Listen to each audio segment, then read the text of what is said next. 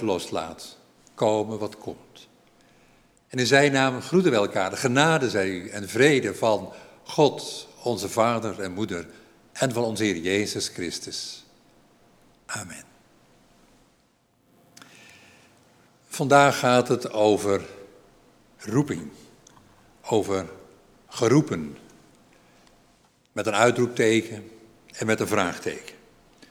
En in het openingsbeeld heeft u misschien gezien een verbeelding van de zeven werken van barmhartigheid. En ook dat komt vanmorgen weer terug in de lezing en in de preek. Roeping, geroepen zijn, het heeft alles te maken met de stem van de roepende.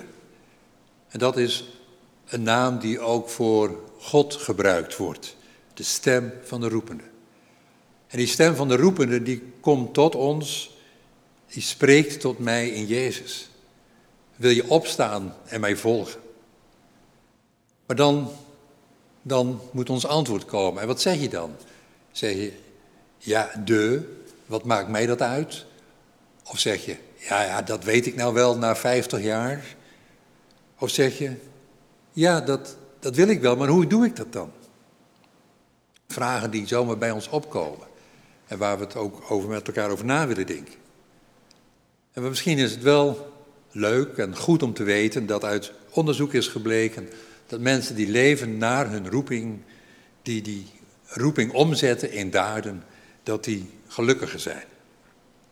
Nou, daarover willen we vanmorgen met elkaar nadenken. We willen het gebed bidden van toenadering. En een gebed wat u thuis ook mee kunt bidden in de laatste regels, waarop u mee kunt spreken, als u dat wilt tenminste. Laten we bidden. De stem van de roepende sprak, er moet licht zijn. En er was licht. En daarom, Heer, willen we leven in uw licht. De stem van de roepende zei tegen Abraham, ga naar het land dat ik je wijs. En daarom, Heer, willen wij op weg gaan. De stem van de roepende sprak, Samuel, Samuel. En Samuel antwoordde, spreek, uw dienaar luistert. En daarom, Heer, open onze oren en laat ons u verstaan. De stem van de roepende sprak, Saul, Saul, waarom vervolg je mij? En daarom, Heer, vergeef ons en keer ons naar u. De stem van de roepende riep hen en Jacobus en Johannes lieten hun schip en hun vader achter. En daarom, Heer, willen wij u volgen, vandaag en morgen, alle dagen van ons leven. Amen. We luisteren nu naar het lied Lieve Heer, Gij zegt kom. En u kunt thuis meezingen of meelezen, net wat u wilt.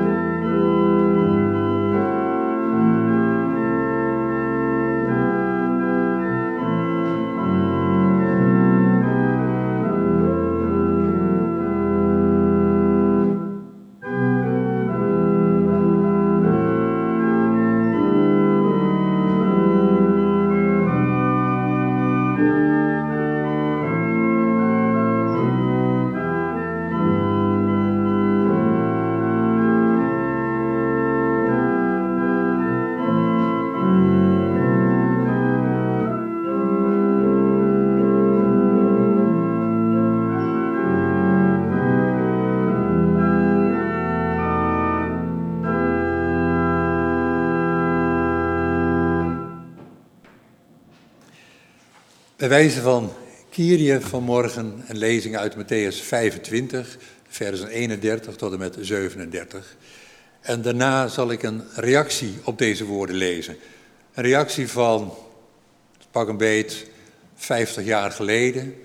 Ik denk dat de oudsten onder ons misschien nog wel weten wie die reactie heeft gegeven.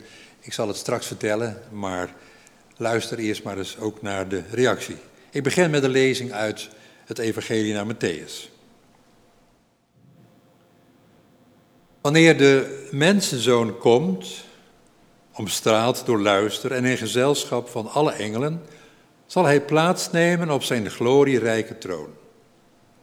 Dan zullen alle volken voor hem worden samengebracht en zal hij de mensen van elkaar scheiden, zoals een herder de schapen van de bokken scheidt. De schapen zal hij rechts van zich plaatsen, de bokken links. Dan zal de koning tegen de groep rechts van zich zeggen: Jullie zijn door mijn vader gezegend. Kom en neem deel aan het koninkrijk dat al sinds de grondvesting van de wereld voor jullie bestemd is. Want ik had honger en jullie gaven mij te eten. Ik had dorst en jullie gaven mij te drinken. Ik was een vreemdeling en jullie namen mij op. Ik was naakt en jullie kleden mij.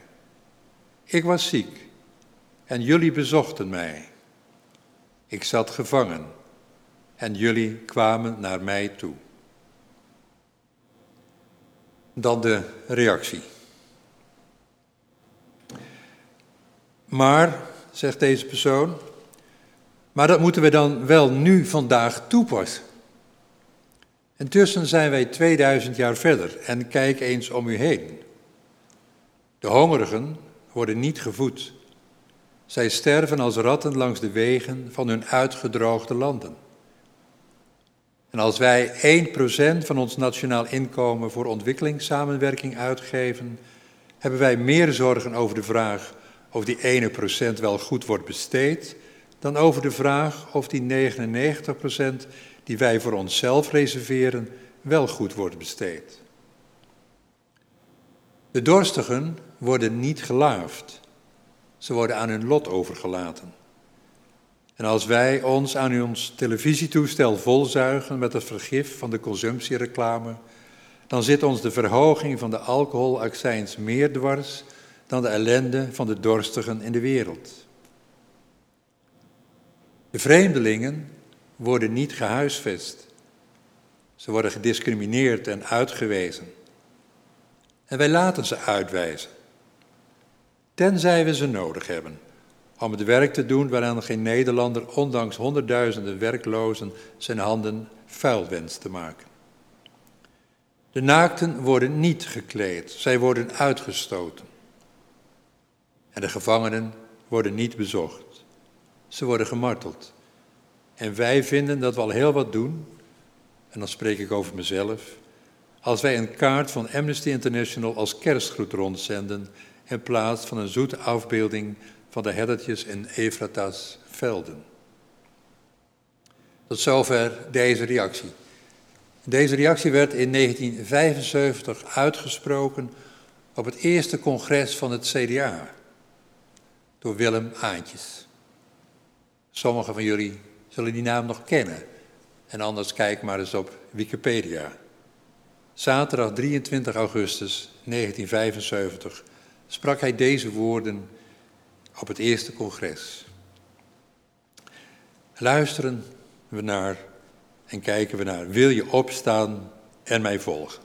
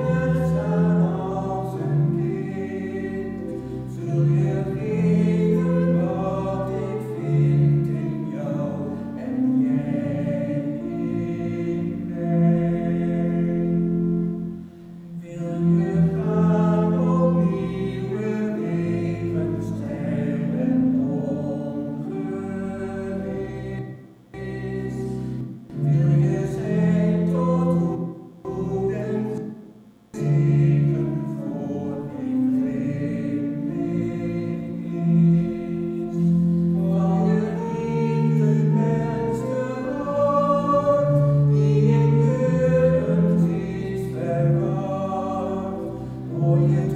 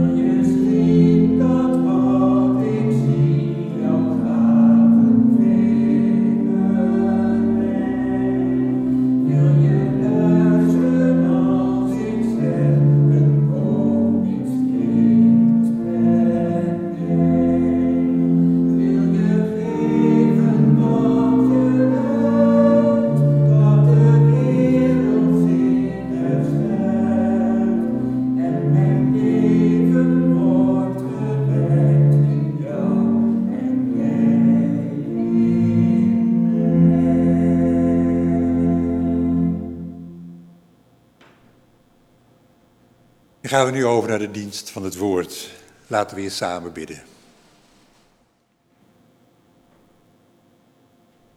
Heer, u die ons roept, u die ons aanspreekt, u die onze hand vraagt. Wij begrijpen u vaak niet.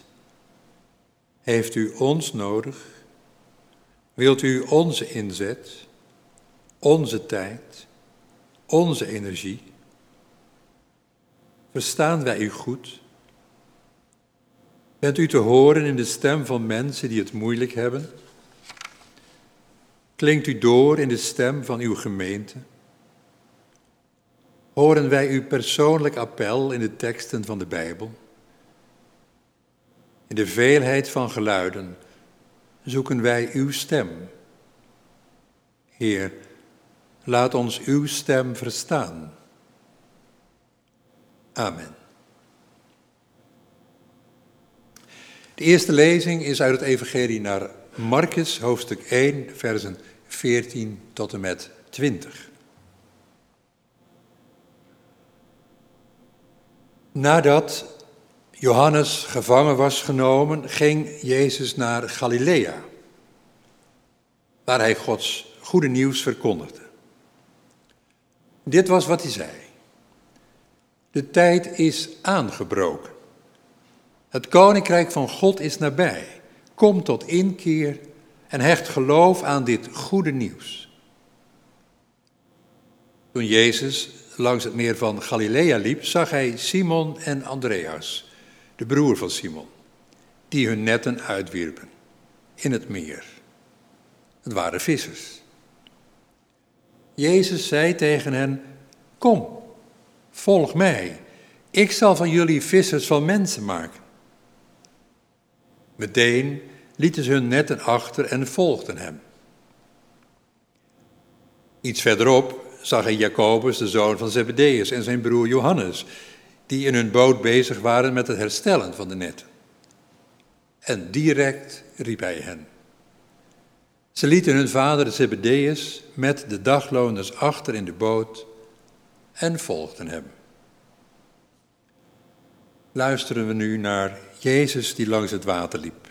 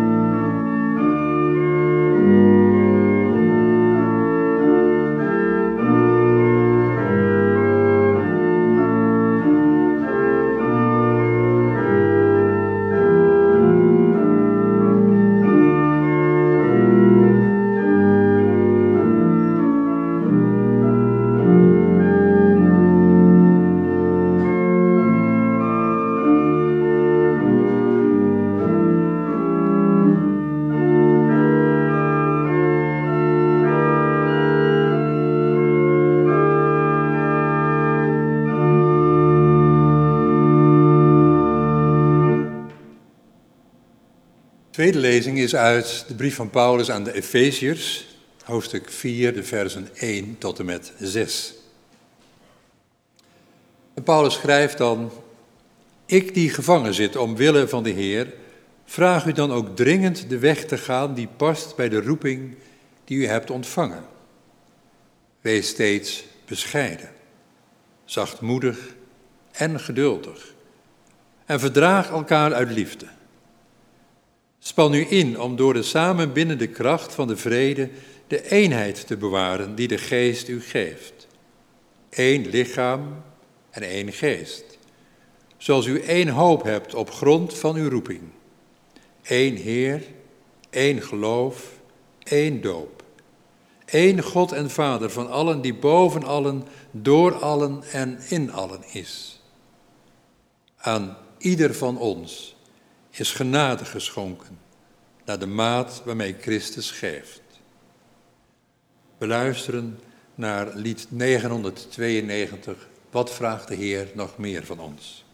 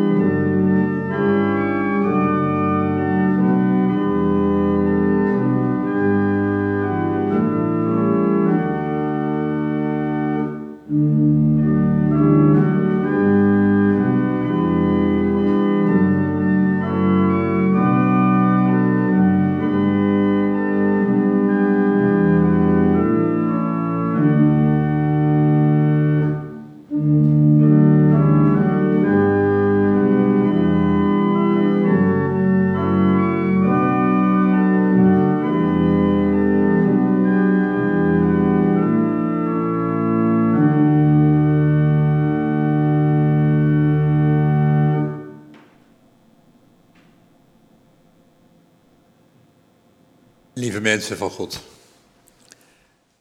Toen ik dit bekende stuk voor de zoveelste keer las, dan val je altijd weer nieuwe dingen op. En deze keer bleef ik eigenlijk hangen en misschien wel ook struikelen bij de woordjes meteen en direct. Zoals in vers 18 staat, meteen lieten ze hun netten achter en volgden hem.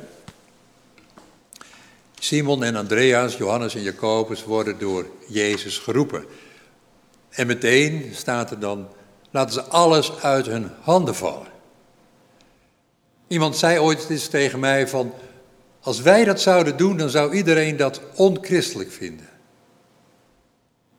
En het lijkt in dit verhaal ook wel een donderslag bij heldere hemel, dat, dat die leerlingen zomaar meegaan met Jezus.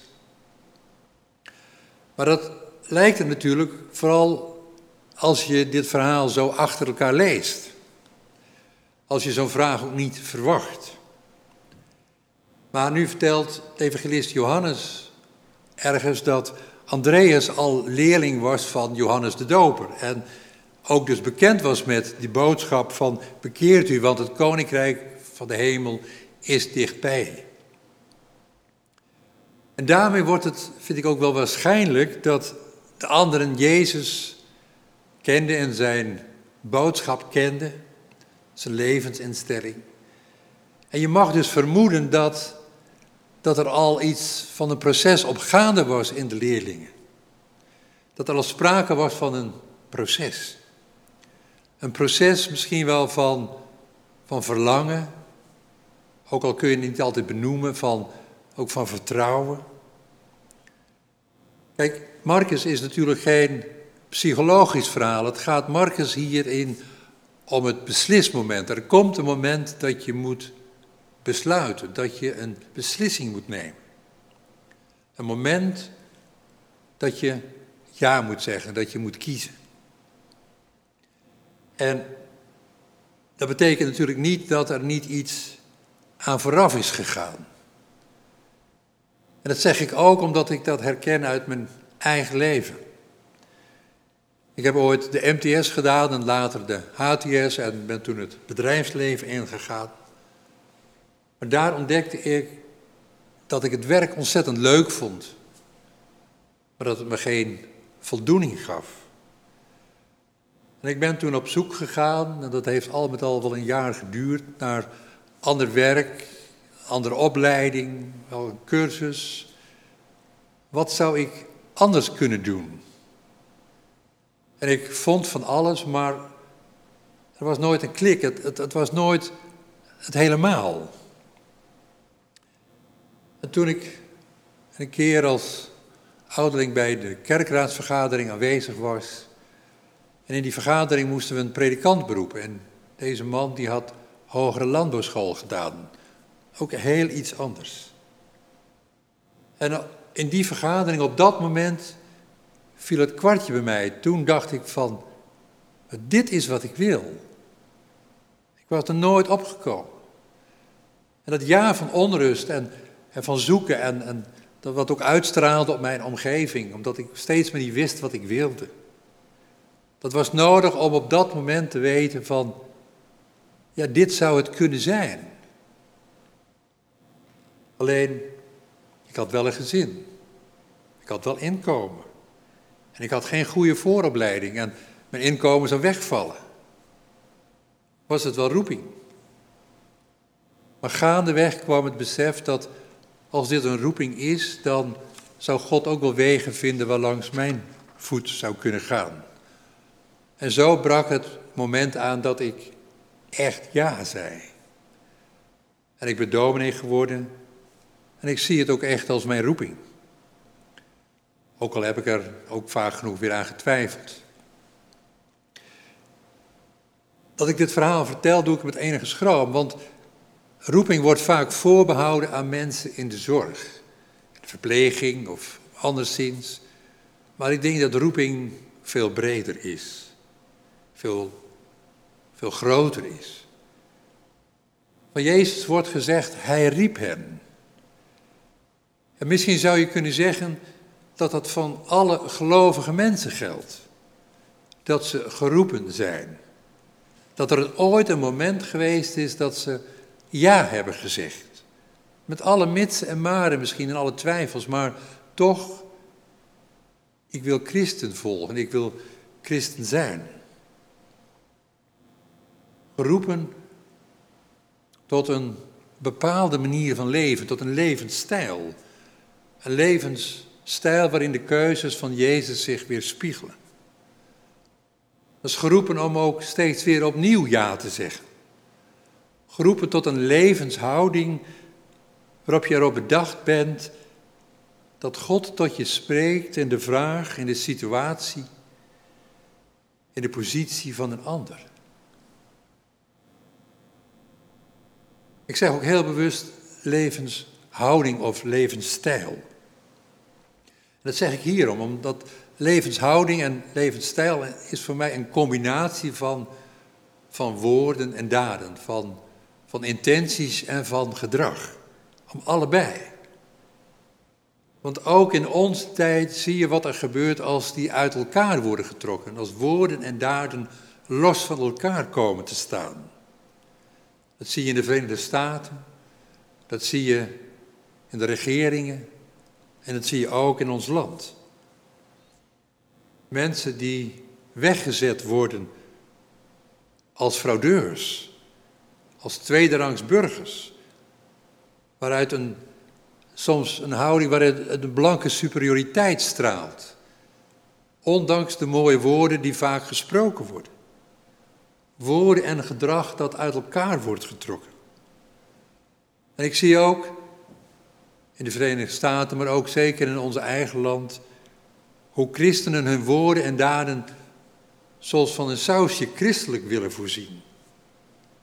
Alleen ze trekken woorden en daden uit elkaar. Want het is raar als ik aan de levensstijl van Jezus denk, dan is er vaak weinig christelijks aan aan wat wij soms christelijk noemen. En als ik dan denk aan wat, wat Jezus zei en deed, en bijvoorbeeld wat wij nu de werken van barmhartigheid noemen, die we net gelezen hebben, dan denk ik dat die kritiek van Aantjes van 45 jaar geleden nog net zo goed geldt in onze tijd. En zeker als je dan soms de christelijke politiek hoort, Dat woorden en daden uit elkaar getrokken worden. Maar laten we het niet alleen over anderen hebben, ook over onszelf. Over onszelf als kerk, als gemeente. Het is niet voor niks dat Paulus de gemeente van Efeze herinnert, en daarmee elke gemeente denk ik, aan zijn roeping. En dat je naar die eerste roeping, om Christus te volgen, om Christus te zijn, dat daaruit voortvloeit dat je steeds weer opnieuw geroepen kunt worden. Geroepen wordt. Omdat voordat je het weet, zit je in een vast patroon. een patroon van vergaderen, van redderen, van zorgen. Op de automatische piloot van, van dit moet gebeuren en dat moet gebeuren. En ben je zo druk dat je dat je, je roeping mist. Misschien omdat je zo bezig bent met jezelf of met je werk. Of met je gezin of met alle ballen die je in de lucht moet houden. Dat je die stem van een ander niet meer hoort, niet meer kunt horen, omdat je er geen ruimte voor hebt. De stem van de ander die een appel op je doet. Want dat is ook belangrijk om te weten. Dat bij elke roeping hoort een menselijke stem, een mens die jou vraagt, een stem die jou aanspreekt. Maar die moet je er wel kunnen horen.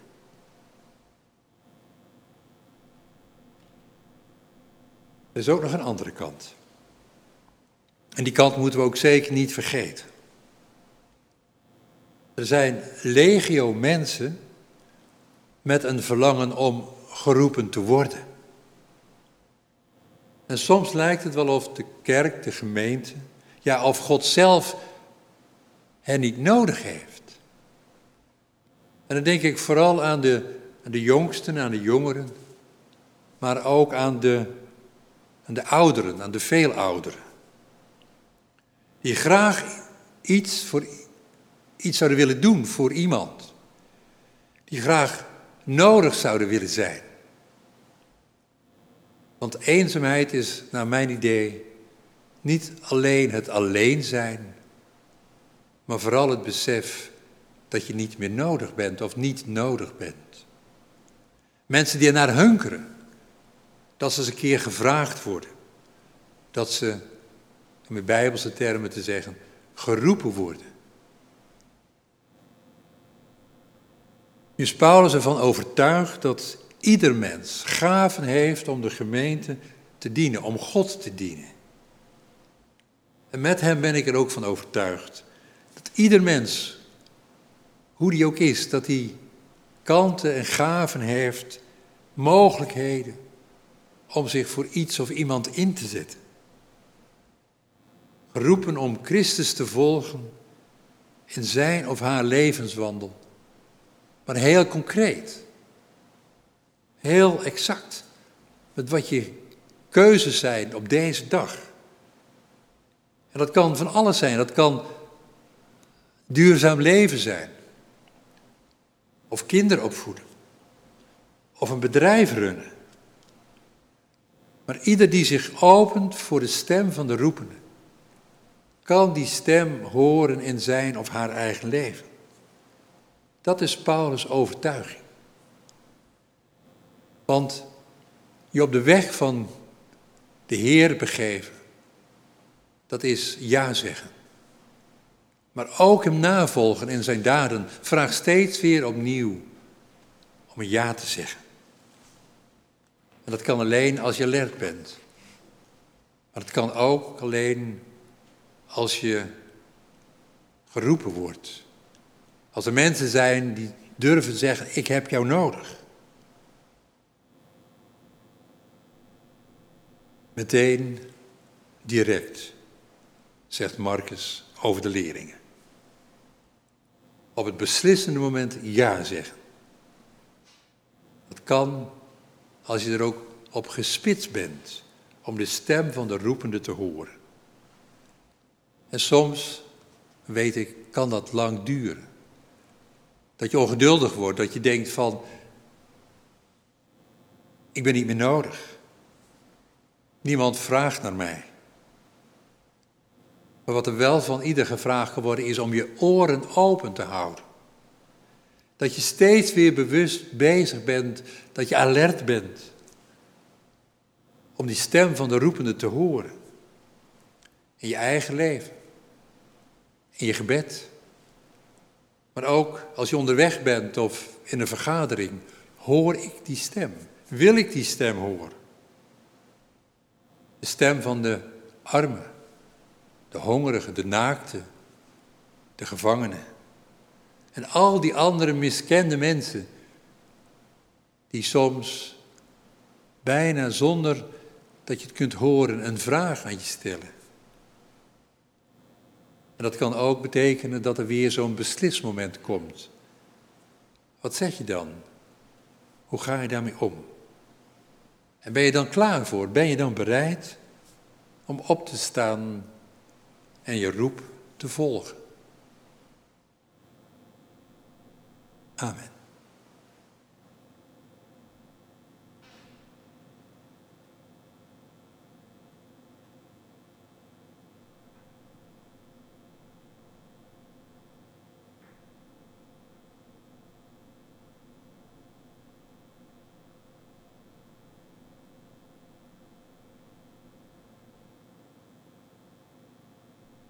Luisteren en naar het lied, Oh, waar wil je heen gaan?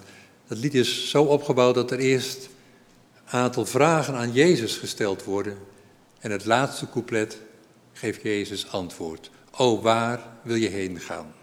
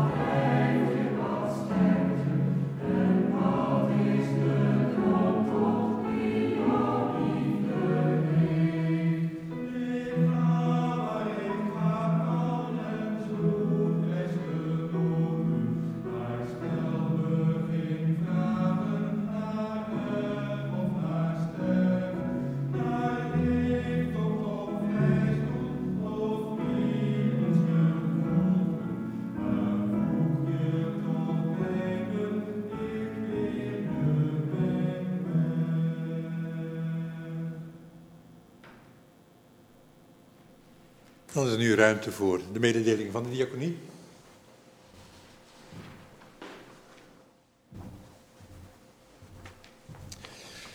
Voordat ik iets zeg over de collecties van uh, deze dag, uh, zou ik eigenlijk willen wijzen op twee initiatieven vanuit de diaconie. Het eerste is de weggeefkast. Uh, voor u waarschijnlijk wel een welbekende kast die hier om de hoek bij de ingang van de deur staat. Een kast waar u levensmiddelen in kunt zetten. En we zien aan het gebruik ervan dat er ene week levensmiddelen ingezet worden die de volgende week eruit zijn. En blijkbaar zijn er dus mensen die dat goed kunnen gebruiken. Heeft u dus levensmiddelen die u thuis niet meer gebruikt, waarvan u zegt, nou, die zou ik een ander graag gunnen, neem dan het initiatief en plaats die levensmiddelen eens in deze kast. Een ander zal er heel blij mee zijn, misschien juist wel in deze tijd. De andere is de hulpgroep van de Samen op Weg Kerk. Er staan ongeveer 20 mensen verzameld in een app die eigenlijk zitten te wachten op vragen die u misschien heeft. Vragen die voortkomen uit de praktijk, omdat u een aantal dingen niet kunt of niet wil vanwege juist de corona. Mocht het zo zijn dat u behoefte heeft aan hulp of ondersteuning, of u kent iemand die dat zou, nodig zou hebben, schroom dan niet en neem ons contact op via een diaken, een ouderling of kijk op internet op de site van, de, van onze kerk hoe u met ons contact kunt opnemen. We helpen u graag. Dan over de collecte.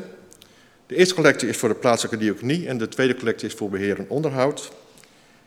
Beide zijn natuurlijk van harte bij u aanbevolen en u begrijpt dat juist in deze tijd zowel de diaconie als ook deze kerk die deze uitzendingen probeert goed voor u te verzorgen, dat geld natuurlijk welkom is. Beide zijn bij u aanbevolen. U kunt geven via de rekening, uh, die staat aangegeven op uh, de dia. Ook aan het eind van de, deze dienst zal die nog een keer getoond worden. En u kunt ook gebruik maken van de Gift App, waarvan we gelukkig zien dat die in toenemende mate door mensen gebruikt wordt. Probeer die ook eens. Nogmaals, vast bedankt voor uw gave.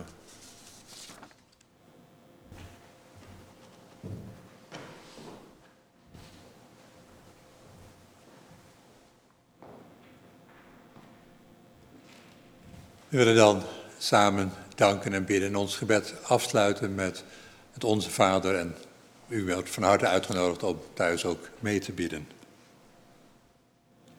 Laat ons danken en bidden.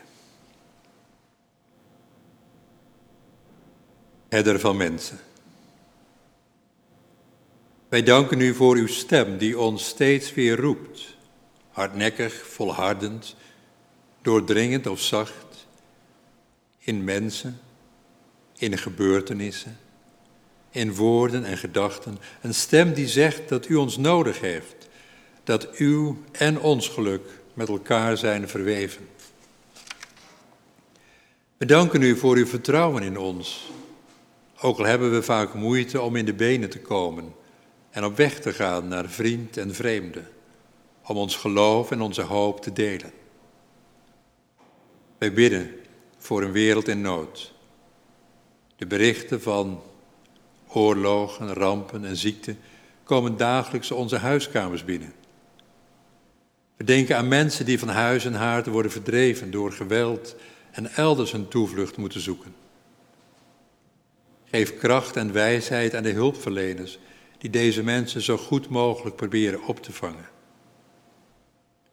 We bidden voor allen die lijden aan het coronavirus, voor de hulpverleners en de beleidsbepalers, voor de mensen die geen uitweg meer zien en voor hen die uitzien naar een vaccin, en voor hen die er de draak mee steken. Voor de mensen op de IC's in de zieken- en verpleeghuizen. Voor hun kring van geliefden die op afstand moeten blijven. Dat er hoop en toekomst is voor ieder van ons. Voor mensen uit verre landen en andere culturen die bij ons wonen. Voor vreemdelingen die ons helpen en hier hun brood verdienen. Dat wij hen open en zonder vooroordelen tegemoet treden. Dat wij hen gastvrij herbergen en als gelijken behandelen. Heer, we bidden ook voor deze gemeente, voor de vele initiatieven die er zijn, om te delen met de mensen om ons heen. Zegen de diaken in het werk wat ze doen. Voor de jeugd bidden wij. Ze staan voor zoveel belangrijke keuzes in hun leven. Voor hen die het moeilijk hebben op school, die het moeilijk vinden om vrienden te vinden. Wees u met de jongeren die u en uw gemeente misschien al hebben losgelaten. Wij moeten hen soms loslaten, maar u doet dit nooit. Wij bidden u voor de mensen die leven in spanning vanwege een uitslag, een kuur. Voor mensen in oog in oog met de dood. voor mensen die afscheid moeten nemen.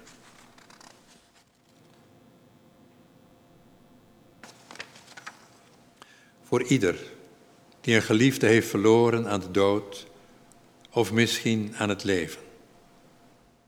Wees de steun en toeverlaat voor ieder en schenk het vertrouwen dat als alles donker is, u een lichtend vuur ontsteekt in ons leven, dat nooit meer dooft. Wij bidden u in de stilte en leggen aan u voor wat niemand anders hoeft te weten.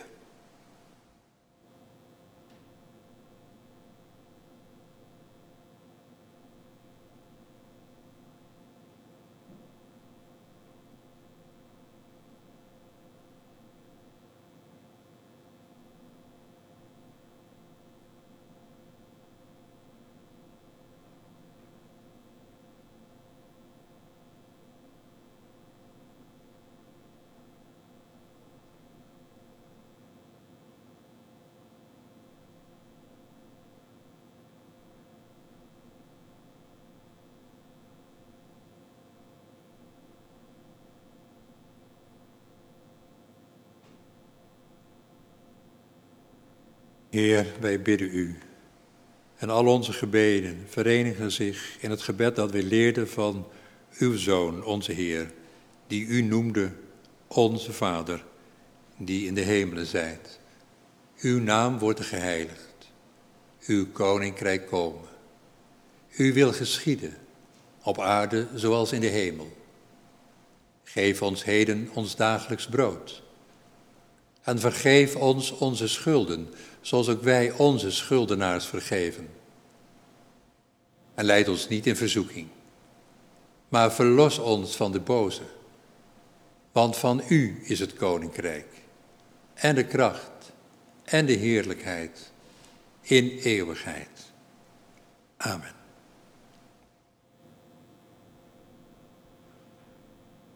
Luisteren we en lezen we of zingen we mee. Jezus roept hier mensen samen. We